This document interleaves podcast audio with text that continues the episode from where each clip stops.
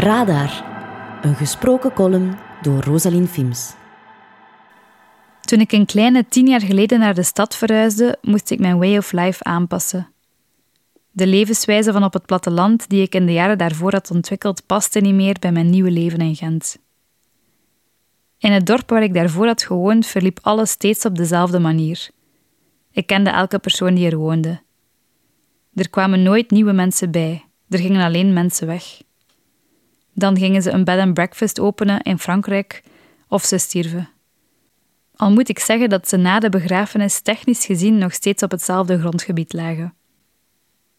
Alles verliep er volgens hetzelfde patroon. Er was voor iedere activiteit een vaste dag. We haalden één keer per week boodschappen omdat het een lange weg was naar de winkel die je niet meer dan noodzakelijk kwam maken.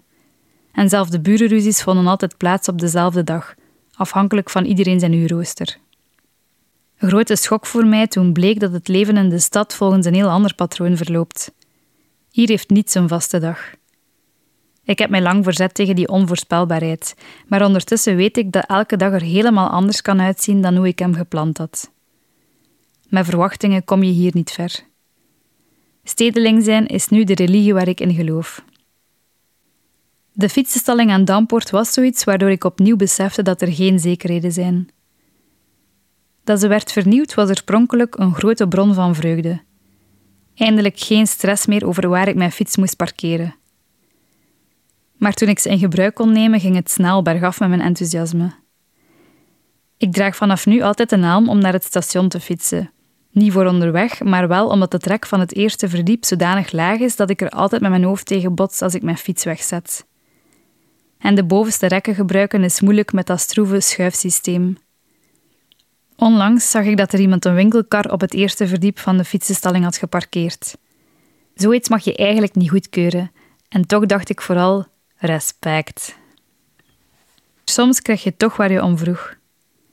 Ik was al een tijdje op zoek naar een plateau voor een oude koffiemachine die af en toe lekt, tot ik deze week voorbij een winkel kwam met honderd verschillende voorwerpen in de vitrine waartussen ik geen enkel verband kon vinden. Ik stopte met wandelen omdat ik vermoedde dat ik hier op de juiste plek was beland. De verkoopster luisterde naar wat ik zocht en stelde mij een paar gerichte vragen, zoals een dokter doet aan zijn patiënt.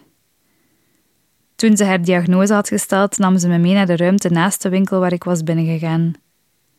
De TL-lampen gingen knipperend aan en ik werd verliefd op de winkel die ik ontdekt had en die veel meer was dan ik had gedacht. Het was een winkel waar boekhouders huilend zouden buitenlopen bij gebrek aan focus. Naast koffiethermossen stonden er onderleggers met cavia's en Oosterse juwelendoosjes. Dit was geen winkel, maar een levenswerk. Eindelijk had ik mijn plateau gevonden, of beter, hij vond mij. Terwijl ik hem uit de kast nam, zong het achtergrondkoor van de Rolling Stones mij naar hogere sferen. Je krijgt niet altijd wat je wilt, maar als je je best doet, krijg je soms wat je nodig hebt, hoorde ik Mick Jagger in gedachten zeggen. Het was het dichtste dat ik deze week kwam bij een spirituele ervaring.